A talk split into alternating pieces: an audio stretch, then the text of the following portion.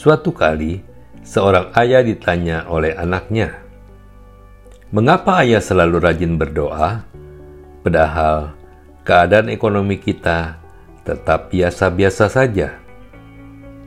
Apa yang ayah dapatkan dengan sering berdoa secara teratur kepada Tuhan? Sang ayah menjawab, "Tidak ada yang ayah dapatkan, malah ayah banyak dapat kehilangan." Ayah akan memberitahu kepadamu, Nak, apa saja yang hilang itu. Ternyata yang hilang adalah kekhawatiran, kemarahan, depresi, kekecewaan, sakit hati, ketamakan, kebencian, kesombongan, dan lain sebagainya. Setiap kali sehabis selesai berdoa, ayah menjadi tenang. Kadangkala jawaban atas doa kita tidak selalu tentang apa yang kita dapatkan, tetapi justru apa yang hilang demi kehidupan kita. Seringkali jawaban doa tidak seperti yang kita harapkan Ketika kita meminta kekuatan, Allah memberi kesulitan supaya kita kuat.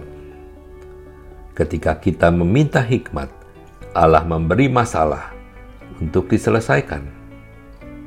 Ketika kita meminta cinta, Allah memberi orang bermasalah untuk kita bantu.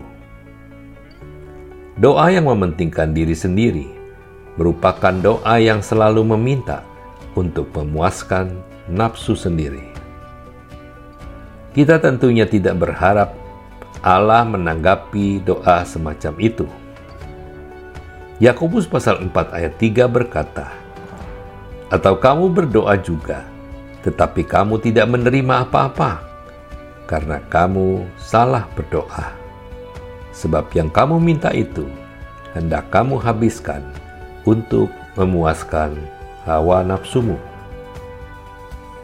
Kita harus berdoa dengan sikap hati bahwa apa pun kehendaknya, itu adalah skenario paling baik. Saudara, sering kali Allah memberi apa yang kita butuhkan, bukan apa yang kita inginkan.